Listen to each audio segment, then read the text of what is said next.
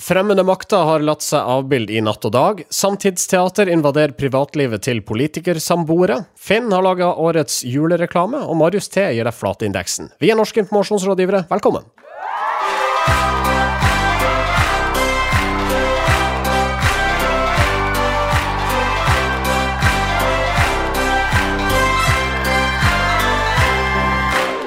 Jeg heter Marius Skjerve Staulen. Denne sendinga presenteres av medieovervåknings- og analyseselskapet Retriever. Vi er tilbake i studio alle tre. Marius T og Sindre H. Hei, eh, Marius eh, S. God dag igjen. God Det gikk jo ikke så verst eh, forrige uke alene. Jeg tenkte det at dette her det kan dere bare håndtere på egen hånd. Ja. Slipper jeg å jobbe. Ja, eh, du måtte fortsatt jobbe, for du måtte fortsatt klippe du må det for- rælet. Ja, ja. Kanskje litt verre å klippe enn Så, eh, det så grunnen til at det hørtes bra ut forrige gang, er fordi eh, dere som lytter på, vet jo ikke hvor god Marius Staulen er til å klippe. Men hvis dere hadde hørt, hørt råtapen, så hadde dere skjønt oi, han er jo et geni. Vi går rett på her. Eh, De uavhengige bokhandlerne sliter. Så også Kapperens Forslag i Oslo, som nå nærmer seg konkurs. Eh, Og derfor har de laga et konkometer som eh, da viser kundene hvor galt det står til, og hvor stor fare det egentlig er for at butikken går over ende. Ja, det er retail-apokalypse for andre år på rad, skrev Cappelens forslag på Facebook.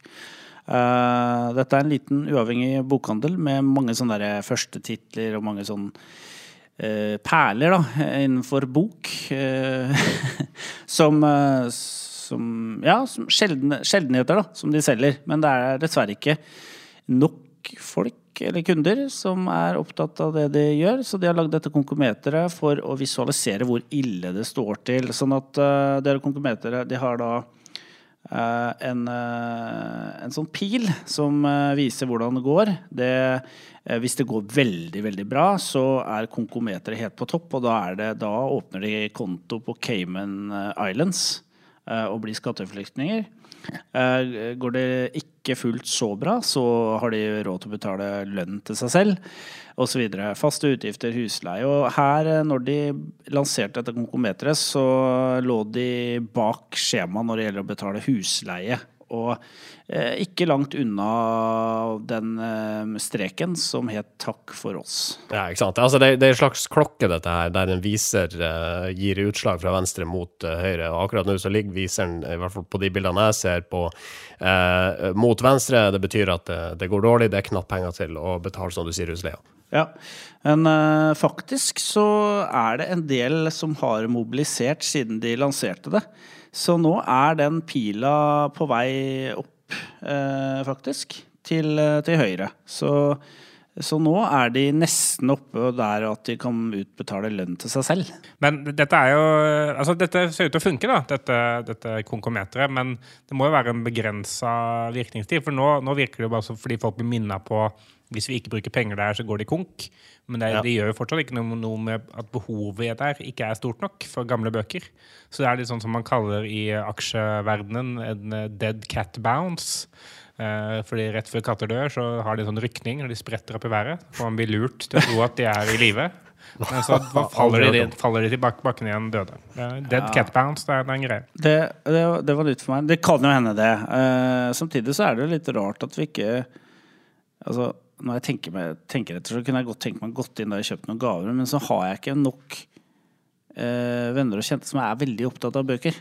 Ja, og, og så er det jo den eneste situasjonen jeg har sett at bøker, sånn førsteutgave, er, er bra gaver i, var en episode av Friends hvor, eh, hvor Ross er forelska i kjæresten til Joey, og så kjøper han da sånn førsteutgave av en, sånn, en bok som heter Velvet-kaninen, eller et eller annet sånt, og så gir den til Joey, så Joey kan gi den til henne, da. Så var det egentlig Ross hele tiden som, som var forelska i henne. Og hun ble jævlig glad for den boka, da. Ja. Eh, den assosiasjonen fikk jeg nå. Kanskje jeg skal gå innom det. Men så kjæresten min har aldri ønska seg noen førsteutgave av noen bøker. Nei. Hva ønsker hun seg, da? Ja, hun ønsker seg Fitbit. Eh, så hvis de selger det, så er jeg, da er jeg keen. Men nå har vi de to siste sendingene. For, for the record så har intropraten vår vært kassett og bøker. Nå må vi inn i mer high-tech alder snart. Ja, Kanskje det sier noe om hvor, hvor gamle vi er, Ja, altså som, altså, som, som podkast. Ja. Vi er jo en veteranpodkast. I neste uke så skal vi bruke forpraten på å stadfeste at internett har kommet for å bli, og så skal vi ha et sånn lite segment om uh, smarthus og Google Home. Men for nå så sparker vi i gang denne episoden av NIR. Norske informasjonsrådgivere. Vi starta oss Schibsted i dag, nærmere bestemt hos Finn. De er ute med årets uh, julekampanje nå, hvor vi i en reklamefilm sett på Facebook møter noen unge kjærestepar som kjøper julegaver til hverandre på finn.no. Når vi var ca. tre år, så ble vi sammen. Ja.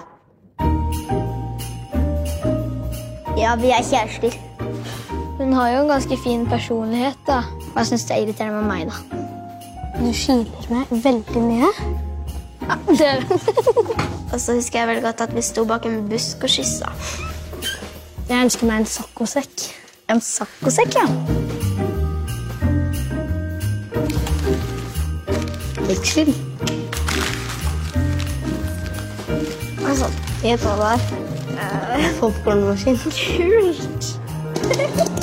Ålreit, jeg bomma litt. Altså, eh, det er to kids, altså et kjærestepar. Den ene kjøper noe nytt til den andre, mens den andre kjøper noe på Finn til Ja. den første. Jeg eh, hyller denne reklamen. Nei, altså, jeg, eh, dette mener jeg er eh, Dette er reklamehåndverk Dette er kunst. i første klasse. Dette er kunst. Eh, bare å legge ned Can Lines og bare sende prisene til eh, grensen hvor eh, Finn har kontorer. For her skal det hentes eh, priser. Hva er det, hva, hvorfor syns du dette er så bra? Ok, eh, nå, nå skal jeg ta det fra mange forskjellige perspektiver. For det første, rent filmatisk eh, så liker jeg filmen. Den er, den er hyggelig. Den er sånn, har søte barn som uh, gjør morsomme ting. Den er underholdende. Den er sånn fin klippa som man blir dratt videre og sånn. Eh, så måtte, filmen er verdt å se. Men kanskje enda viktigere så er det det, det den filmen kommuniserer, som er nettopp det at hvis du kjøper brukte julegaver, så får du råd til så jævlig mye bedre gaver. Fordi her, her er jo nettopp eh, prinsippet eller greia i filmen at han eller hun som kjøper ny gave, får bare råd til en bitte liten ting, mens hun eller han som kjøper en brukt gave, får råd til en svær ting. Ikke Ja. Så en får mobildeksel, en annen får popkornmaskin. Selv om den er brukt, så er det dritmye bedre enn mobildeksel. det er verdt like mye. Det er jo helt vilt. Og det budskapet er jo så utrolig riktig for Finn å kommunisere. For før har de måttet kommunisert sånn der, ja, men det er lurt å kjøpe brukt, fordi det er mer miljøvennlig og sånn. Men her får du kommunisert, du får gitt en jævlig mye bedre gave. Eh, så du både klarer å lage en film som er bra, og har et budskap som treffer folk, ikke bare i et sånn vær snill-senter i hjernen, men med sånn faktisk egosenter, hvor du får gitt en bedre gave. Det føler jeg er så sykt smart. Ja, det- Jeg hyller det. Og det, det var liksom morsomt eh, innblikk også, litt å se hva de barna her var glad for å få, selv om det er selvfølgelig skuespill. Men jeg så det ene barnet her fikk en, et gammelt polaroidkamera. Det må jo være fra 1980 eller noe sånt. Og var kjempeglad for det. Ja, men Det er litt kult òg, da. Og det er jo kult òg, men det har jeg faktisk uh, merka sjøl. At jeg- dattera mi også har sagt det på et eller annet tidspunkt. Jeg ønsker meg et polaroid, polaroidkamera. Hæ, hva snakker du om, liksom? Fins det? Er, det? er det mulig å oppdrive? Og der har du det der fysiske igjen, da. Ikke sant? At det er Jøss, liksom, bilder kan være fysiske. Det var jo ganske kult. Eh, altså, jeg, altså, jeg husker jo det veldig godt når du tok bilder med sånne kameraer. Så kommer det ut helt hvitt, og så må du liksom blafre litt med det. Gi det litt luft, og så kommer det sånn, så magisk, så dukker det opp eh, i et bilde av deg, eller, eller noen andre du tar bilde av. Ja. Og det er jo noe med at brukte gaver er jo mye mer unikt. Jeg, jeg er helt enig. Altså, det, er jo su, det er jo superverdi i mange av disse uh, gavene her. Og det, man kan utvilsomt gjøre kjempegode kjøp hvis man drar ut på bruktmarkedet heller enn å, å dra i butikken. Men aksepteres det å, å gi bort brukte gaver? Så lenge det er unikt, så lenge det er så spesielt som eh, det kan bli, da. Ja. Altså, jeg tror spesielt i den der eh, mid-range-prisklassen. Hvis du har uh, 300 kroner da, eller 400 kroner eller et annet å bruke på en venn eller bekjent, så liksom, du får så sykt mye mer da, for 300 kroner på Finn, eller for å gis bort på Finn, enn du får uh, på eh, Toys R Us, eller hvor dere kids eh, går om dagen. Eh, De sliter akkurat nå, Toys R Us. ja, så, men spesielt de da, som, eh, altså de folka som i utgangspunktet kanskje vurderer å kjøpe brukt, da, eh, som er de som eh, kanskje har litt mindre penger, for eksempel. Eh, for dem er, er det veldig kult. Også hvis du har mye mer penger å bruke. Altså For et par tusen kroner på Finn kan du kjøpe en stue, sikkert. Altså sånn der, um, Møblementsmessig. Det er dritkult. Gi bort en stue til jul. Ja, kjør, da! Stue. Det er jo dritgøy. Og så er det jo veldig miljøvennlig, altså miljøvennlig er det jo også. Stua er jo kjempemiljøvennlig eh, Ja. blitt. Ja. For da reiser man ikke bort, ikke sant? Da blir man jo hjemme. ja. Kutter Nei, men jeg, jeg syns dette jeg, jeg liker filmen veldig godt. Eh, men det er så sjelden man ser filmer som er bra, som i tillegg kommuniserer noe som er verdifullt eh, for virksomheten å kommunisere det og, og, og kommunisere. Eh, så, så her føler jeg Finn både lager en bra film, og de har et budskap som faktisk resonnerer bra med det de prøver å få til. Kjøp du det budskapet? Ja, altså, jeg har vært inne nå på Finn og scrolla etter gaver eh, til venner og kjente. Eh, og det er mye kult man kan kjøpe. Eh, nå vet jeg at eh, kjæresten min hører på NIR innimellom, for det hun sier. Det blir- jo en test, da. Eh, men eh, men eh, jeg vurderer å kjøpe brukt til denne til jul. Jeg må jo bare gi en liten kudos til Morgenstern, som er reklamebyrået til Finn. Som jo stort sett alltid lager kule reklamer eh, for Finn. Mye skryt innledningsvis i denne sendinga. Ja, Jeg tror det er fordi vi nærmer oss jul. At vi er ikke så forbanna som vi pleier å være. Nei. og så jobber jo du borte i skipsstedet òg, Marius. og Ja. Du har jo en kjempe egeninteresse i å skryte av konsernet. Ja, altså Markedssjefen i Finn har jo en egen podkast, og han skal skryte av noe Aftenposten-greier neste uke. Så dette er quid pro cro, holdt jeg på å si. Norske informasjonsrådgivere. Det har vært stille fra Per Sandberg og kjæresten Bahare Letnes den siste tida. Begge er glad i rampelyset, og derfor gjorde de et oppsiktsvekkende comeback i forrige uke i en bildeserie hos Natt og Dag, av alle steder. Ja, eh, dette, dette er jo noe av det mest eh, absurde jeg har sett eh, på, i, i, i Norge, eh, vil jeg si.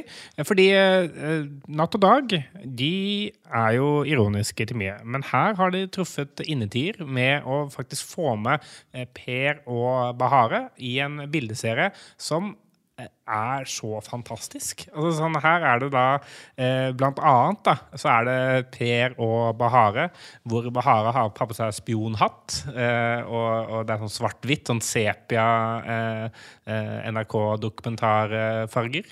Eh, og så er det et, et bilde av at Bahare Letnes holder en VG sammenrulla, poserende som Frihetsgudinnen, mens den VG-utgaven brenner.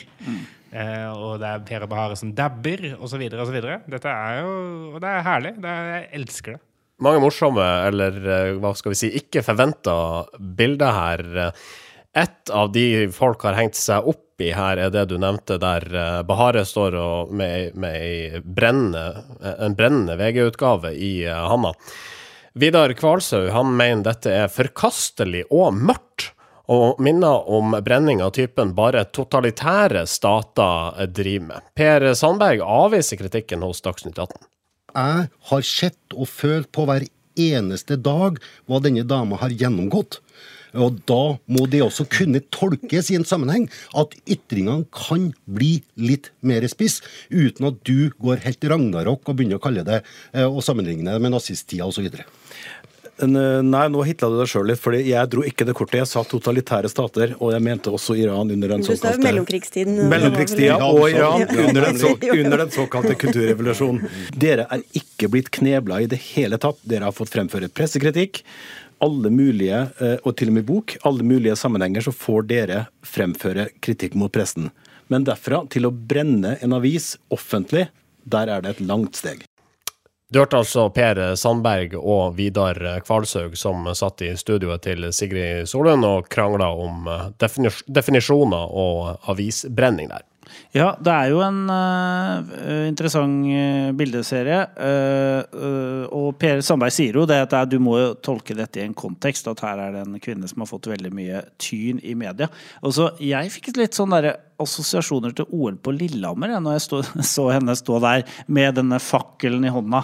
Eh, Se ilden lyse, var ikke det Sissel Kirkebø sang? Eh? Og der hadde jo Bjørn Dæhlie og Vegard Ulvang og, og eh, dette er jo du, du må jo også se bildeserien i en sammenheng. Her har de hatt det morsomt i et studio. Og de gjør litt narr av seg selv, ikke sant? Iscenesetter seg selv som spioner. Og, og de Per Sandberg har på seg hijab. ja, de kommenterer hverandres rolle i media. Og jeg føler liksom, når jeg hører da Per Sandberg igjen er på Dagsnytt 18 og kommenterer sitt eget forhold til sin kjæreste, så føler jeg liksom at de to der er på en sånn evig lang signingsferd. Det er en sånn Romeo og Julie-historie som bare fortsetter å gi og gi og gi, som kanskje også kommer til å ende ganske, ganske bra, da. Ja, igjen, altså, det er litt som vi snakka om eh, forrige uke med han eh, godeste Henrik fra Ex on the Beach og boka hans som skulle promoteres. Er- Dette er fortsatt bokpromotering, ikke sant? Mm. Ja, visst. De skal jo eh, Altså, jeg tror ingen kommer til å kjøpe boka til Per og Bahare til julegave uten at det er ironisk. Jeg er sånn, Ha-ha, morsomt. Nei, Det er, men det er en jævlig morsom gave å er gi. målgruppa, Ja, ja, altså? altså, Ja. er, jeg kunne kjøpt, kjøpt den ironisk til mamma, for eksempel. Det hadde vært dritgøy. Da var det jo en genistrek å uh, dra bort til uh, altså, ironiens svøpe, Ja. som er natt og dag. Jeg, jeg, det, har, det har jeg ikke tenkt på før du sa det nå, men det er kanskje akkurat det som er målet. At alle Natt og Dag-leserne skal kjøpe denne boka ironisk og gi den i julegaver. Herregud, tenk om Natt og Dag kunne starte et eget forlag som bare ga ut ironiske selvbiografier av politikere.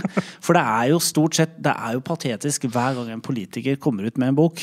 Hvorfor blir folk så sinte over aviser som brenner? Jeg skjønner, altså, jeg, jeg, jeg, jeg skjønner eh, prinsippet når man kritiserer symbolikken, men ærlig talt det er, altså, Jeg- Folk brenner da verre ting enn eh, et gammelt VG. Jeg tror kanskje at det er et uttrykk for at man er litt trøtt av mediekritikk. Eller den type ganske sånn eks ekspressiv mediekritikk, da. Og at eh, noen mener at vet du hva, nå er, har vi fått nok av liksom politikere som hunser media og kaller det for fake news og brenner aviser og, og liksom Det er ikke måte på hvor langt man kan gå. Ja, altså fordi jeg, jeg, jeg tenker det at eh, det å brenne aviser, selvfølgelig, det, det bør man ikke gjøre. Og, og hvis det kun hadde kommet ut ett bilde av Per og Bahare som sto eh, jævlig seriøse, stirra inn i kamera mens det lå et VG og brant på bakken eh, foran dem, så hadde det vært liksom eh, noe helt annet. Men her er det som sagt inn eh, hun Ida Wammer, som er redaktør i Natt og Dag, sier det også sånn Dette er jo en del av en bildeserie,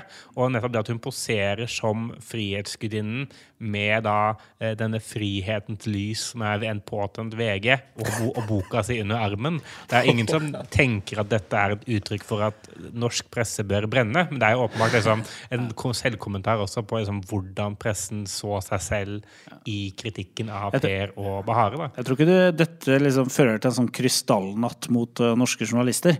Så jeg tror du skal roe litt ned liksom, tolkningsrammene, da. Så er det jo jeg bare si at sånn, det, er, det er jo sånn uh, Vidar Kvalsø han, han lever jo også av å kommentere. Han, er- han trenger også å komme i media. Han kommer på Dag- Dagsnytt 18 uh, for å oppfylle kvota for å holde seg aktuell. Og her er det noe som man kan ta noen på. Fordi prinsipielt så er det helt riktig, man skal ikke brenne aviser. Ja, hvis man bare ser bort fra kontekst, så kan man jo måtte kritisere. Ja. Og Dagsnytt 18 trengte også en motdebattant eh, til Per og Bahare for å kunne adressere disse bildene som har tatt over internett. eh, Og så, og så syns jeg dette er en fin eh, For det, Anders Giæver, som er kommentator i, i VG, han sier jo at eh, dette er bare to, eh, to personer som er veldig forelska i hverandre. Og, og det får du jo veldig godt fram her. Da. At dette er ikke noe arrangert ekteskap eller eh, eh, et barnelov, eller hva man, hva man, hva man skal hva folk har tenkt om dette her. En eh, litt for gammel mann til en litt for vakker kvinne.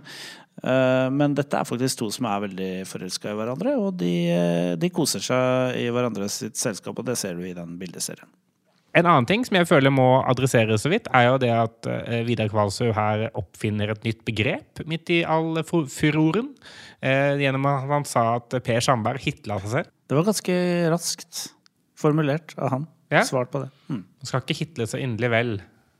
Den nazistkritikk som ikke rammer deg selv. Så skal vi til Black Box Teater i Oslo, hvor det er satt opp et teaterstykke som kritiserer regjeringa for et eller annet med innvandringspolitikken. I stykket bruker de videoopptak som er gjort eh, av boligene til bl.a. Frp-politikerne Christian Tybring-Gjedde og Tor Mikkel Wara. Det reagerer samboeren til sistnevnte kraftig på. I VG skriver Laila Anita Bertheussen at dette er en grov invasjon av hennes privatliv. Ja, hun, uh, Bertheussen sier også at de er inntrengere, og jeg er uten mulighet til å forsvare meg, uh, sier hun. Og hun ville selvsagt ha fått uh, disse filmfolkene fjernet hvis hun hadde hatt muligheten til det. Eh, hun svarte med dette det, Hun fant jo ut av dette her etter å ha hørt på NRK radio, og dro da på forestilling og begynte å filme forestillingen. Eh, og det var i sin tur eh, brudd på åndsverkloven. Så hun ble forsøkt forvist da fra forestilling. Eh, hun ble også bedt om å sette seg ned, men det sier hun det kan jeg ikke. Fordi jeg har smerter som gjør at jeg ikke kan sitte. Eh, så, så her var det utrolig mange aspekter. En serie uheldige hendelser her. Utrolig Det er jo en Cohen-film. det, det er jo- Dette er en Cohen-film, og det ene tar det andre. Og du bare lurer på hva handlet dette egentlig om. Eh, jeg syns jo dette er litt interessant sak. Eh, jeg syns jo at regissøren for dette stykket forsvarer egentlig handlingen ganske dårlig. Hun sier at eh, dette er Dette er folk som gir penger til Human Rights Service, en organisasjon som oppfordrer til å ta bilder av muslimer for å legge dem ut på nettet, noe som er oppfordring til lovbrudd, sier hun. Men eh, det er jo ikke sånn at eh, familien til Frp-politikere eh, gir penger til Human Rights Service, så den er vel ganske tynn. Altså, men hun er jo ikke filma, det er bare huset hennes som er filma. Mm. så jeg, jeg tenker jo sånn Jeg er helt enig sånn når, når du først bier deg inn i det forsvaret, inn i det forsvaret som er sånn uh, whataboutism-aktig er sånn der, Ja, men hva med dem? De gjør jo det. Så har du måttet tapt, for da har du jo innrømmet at du har gjort noe galt. Sant? Eh, Hun sier først liksom at dette er bilder du uansett kunne funnet på Google Maps, og vi har en tidligere høyesterettsdommer på scenen, og han har gått gjennom alt det juridiske, av en eller annen grunn. Eh, for det, har de tydeligvis vært, vært bekymra for. da. Men så går hun videre og sier at eh, ja, men eh, de gir penger indirekte til HRS, som da har gjort dette som er forkastelig osv. Og, så og jeg er jo enig i at det HRS gjør, ikke er ikke forenlig med menneskeverd. Men det betyr jo ikke det at denne forestillingen i seg selv eh, burde trekke det fram. Fordi hun kunne bare sagt det var viktig for forestillingen. Vi ville ha det filmopptaket. Eh, Nå har ikke jeg, jeg, har ikke sett forestillingen, så jeg vet Nei, det har jo nesten ingen, da. Eh, Nesten ingen som har gjort, for det går jo på black box, eh, som nesten ingen Som ikke har noe kapasitet, nesten ingen ser.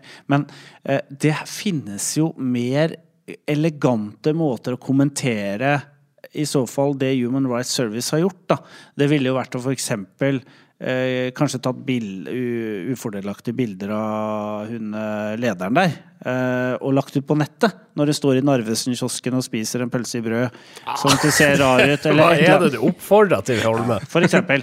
Nei da. Men, det, men, men det, det, mitt poeng er at det å snikfotografere andre det kan gjøres på en elegant måte. For dette her minner meg litt om eh, meg litt om uh, Da du drev med snikfotografering, Ja, og ja, du gjorde det på den mest elegante måte man kunne tenke seg til. ja, ja. Nei, men det minner meg litt Jeg er veldig god på digresjoner, men den her digresjonen er litt relevant. For, for uh, på 90-tallet, så så Når det begynte å gå rykter om at uh, kronprins Haakon hadde funnet seg en kjæreste, så ble Mette-Marit og Håkon snikfotografert under Kvartfestivalen.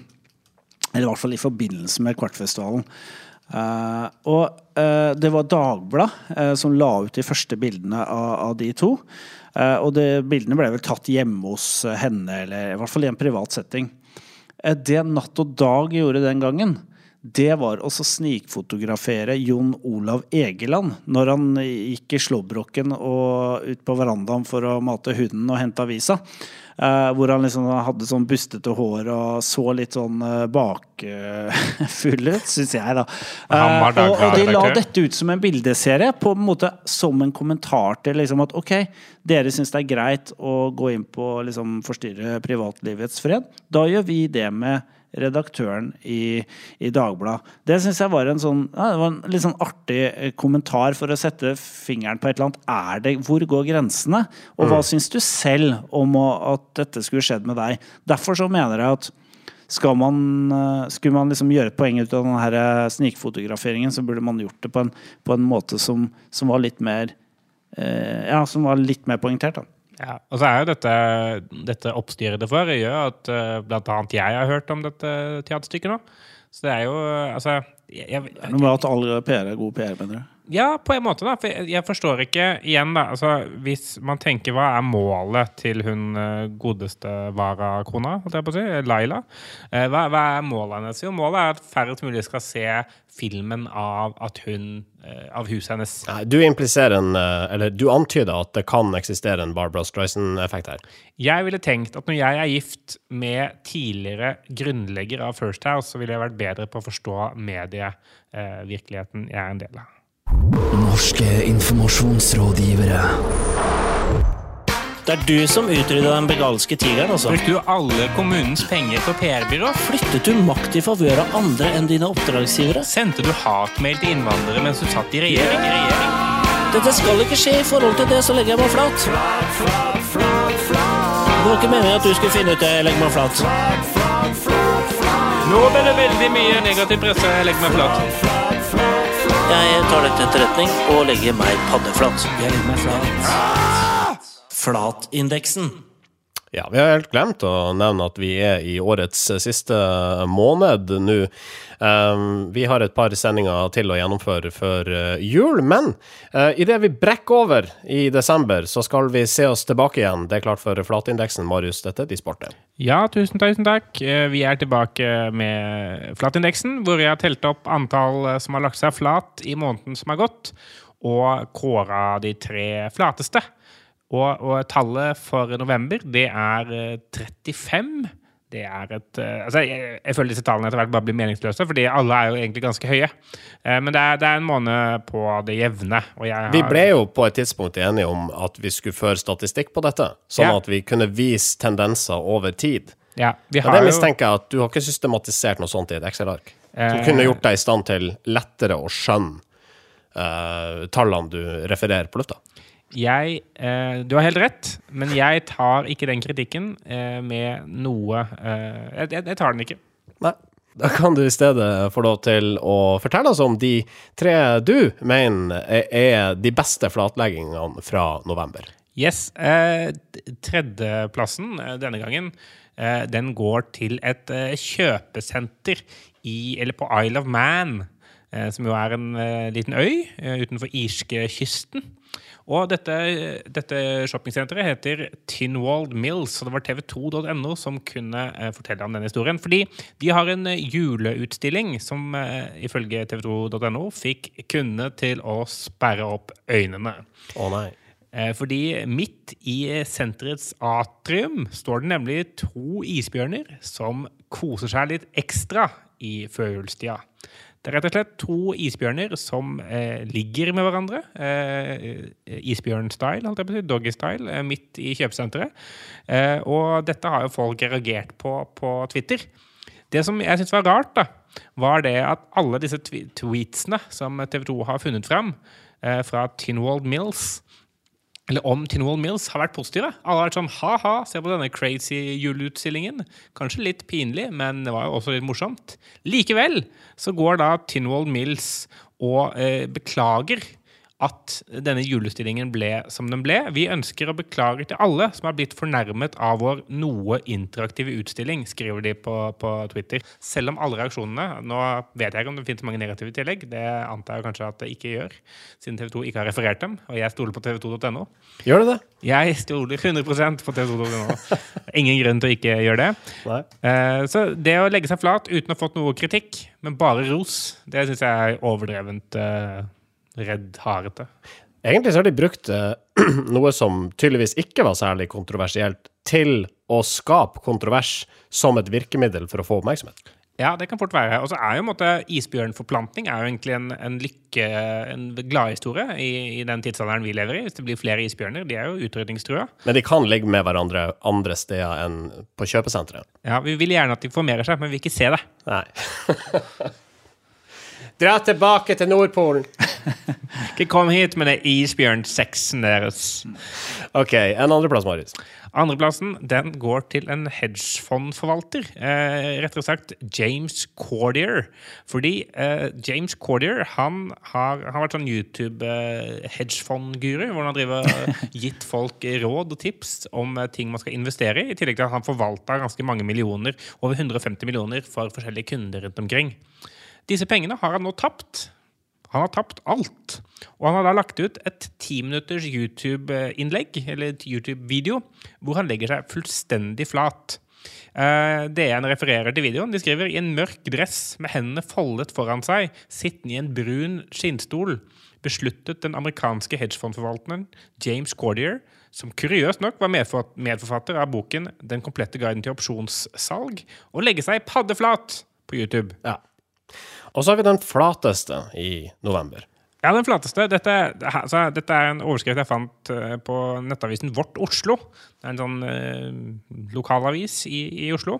Og dette har, denne overskriften her, den er noe av det rareste jeg har sett eh, på lenge. Overskriften er Bompengeaktivister i Oslo iført seg nisselue med referanse til kampen mot nazistene. Historiker ved Jødisk museum steiler. Var, det, var, var alt det overskrift? Det var overskriften. De har, de har veldig liberalt forhold til eh, forskjell på overskrift og ingress i vårt Oslo. Men uh, dette var altså overskrift. vårt Oslo er det ikke noe forskjell på ingress og overskrift, faktisk. Men her er det altså da uh, Facebook-gruppa Ja til miljø, nei til økte bompenger, som har protestert utenfor Stortinget.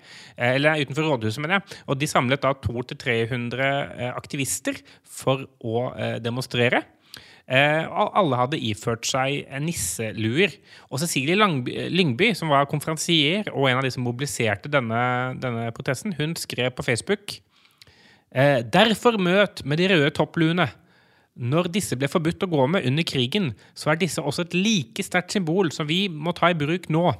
Rød topplue, et protestsymbol.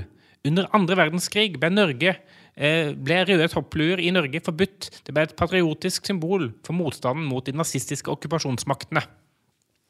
Eh, og dette, denne kall parallellen mellom det å måtte betale litt i bompenger og jødeforfølgelse, det syns jo historiker ved Jødisk museum Kjetil Braut Simonsen er litt i overkant. Eh, han, han reagerer. Han sier det å bruke referanser til okkupasjonen og motstandsbevegelsen i denne konteksten er ekstremt problematisk. Det innebærer en revitalisering av nazismen generelt og den nazistiske okkupasjonsmakten i Norge spesielt. Jeg vet ikke om det er helt riktig konsekvens heller. At dette liksom er med på å gi nazistbevegelsen eh, Det var voldsomt andre veien igjen. Ja. Uh, ja, det det var var litt i overkant, eh, det også. Jeg vet ikke om dette er som starten på en ny okkupasjon. Uh, Det overrasker meg veldig i så fall. Ja, da blir vi tatt på senga, hvis det skjer. Ja, eh, det, det, det syns jeg. Men eh, det førte i hvert fall til da, at hun, Cecilie Lyngby hun, hun beklager og skjønner at det ble helt feil. Hun beklager da om noen føler seg støtt. Hun legger seg flat og kaller absolutt ikke byrådet nazister, påpeker hun. Dette ble nok vridd veldig feil. ja, det ble jo det. Det ble jo det. OK, det var flatindeksen for eh, november, og det betyr at eh, ja, vi er i 2019 neste gang vi får denne spalta fra deg. Herregud, det er Oh det my faktisk. godness. Takk skal du ha. Vær så god. Anita Krohn Traaseth er ferdig i Innovasjon Norge, og da dette ble kunngjort, kunne selskapet samtidig melde at toppsjefen skal over i et privatselskap. Men det ble ikke fortalt hvilket selskap det er snakk om, så det ble spekulasjoner, selvsagt. Såpass at selskapet Unacast valgte å sende ut- ei pressemelding. Ja, Unicast er et eh, selskap som uh, jobber med beacons, eller eh, samler inn data og hjelper bedrifter å benytte den dataen mest mulig for å bruke det til markedsføring og andre ting. Ja. De sendte ut en veldig kort pressemelding der de sa etter å ha fått en nærmest uendelig strøm av spørsmål om Unicast er det vekstselskapet Anita Krohn Traaseth skal begynne i etter Innovasjon Norge, så har vi nå sett oss nødt til å gå ut og svare offentlig på spørsmålet. Ehm, fordi vi nå ønsker eh, arbeidsro, og svaret er om hun får jobb hos oss? Nei. Og det er ikke engang nei, det er nei! Capslock og utropstegn. Ja. Eh, Hun er ikke kvalifisert, i hvert fall etterlatt inntrykk. Eh, Hun er ikke en god match for våre åpne stillinger. Så dette er egentlig ikke en pressemelding som er, da, altså er skrevet av Bo. behov, dette her er posisjonering og PR. Det er forsøk på å få PR, og, og kanskje å gjøre seg litt større enn det man er, kanskje. Ja. Uh, og uh, en siste ting her. Hvis du er god til å gjette og har to dollar til overs, så kan du vinne en fjernstyrt båt full av migranter. Og det er kunstneren Banksy som har stelt i stand denne førjulskonkurransen. Ja, Banksy la, eh, etablerte jo et, miss, en misfornøyelsespark, kan man kalle det, som heter Dismaland for, en, eh, for noen år siden. Og en av de verkene fra den eh, utstillingen, det er en overfylt eh, fjernstyrt båt med flyktninger. Som man da kan gjette vekta på. Altså hvor mye veier denne båten. Og hvis du gjetter riktig, så kan du få denne båten for 2,5 dollar. Ja. Det er hyggelig førjuls... Tenker jeg noe å ha under, få under treet, tenker jeg. eh, Popkornmaskin og eh, en sånn overfylt flyktningbåt. All right. Eh, vi skal sette en eh, strek der. Vi uh, spiller inn våre sendinger hos Moderne Media. Et av landets største produksjonshus for uh, podkast. Besøk dem på modernemedia.no. Og, oss- og oss finner du på facebook.com slash eh, nearcast. Og så er det iTunes, da. Eh, følg oss gjerne der.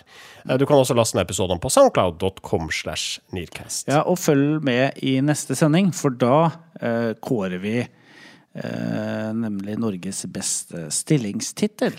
Og da finner vi også ut av hvorvidt Marius har klart å gjøre den jobben han har sagt at han skulle gjøre, nemlig å skaffe til veie en plakett. Altså, Nå har ikke dere lyttere hørt det, men jeg fikk altså så jævlig mye kjeft før sending fordi ikke jeg har fiksa den plaketten. Så jeg nå, ja, jeg skal fikse plakett. for Du skjønner du har dårlig tid? Ja, for det har gått fra å være sånn der ha-ha, Marius har ikke fiksa plakett, til å være sånn nå må du for faen fikse plakett, Marius. Ja. Det har, det har gått sånn eh, litt fra liksom høflig 'du fikser plakett', ikke sant, til si til helvete og fiks den plaketten. Ja, nei, det, det ble sagt uten kødd. Sett av gårde, fiks plakett. Vi høres igjen neste uke. Fram til da. Ha det bra! Norske informasjonsrådgivere.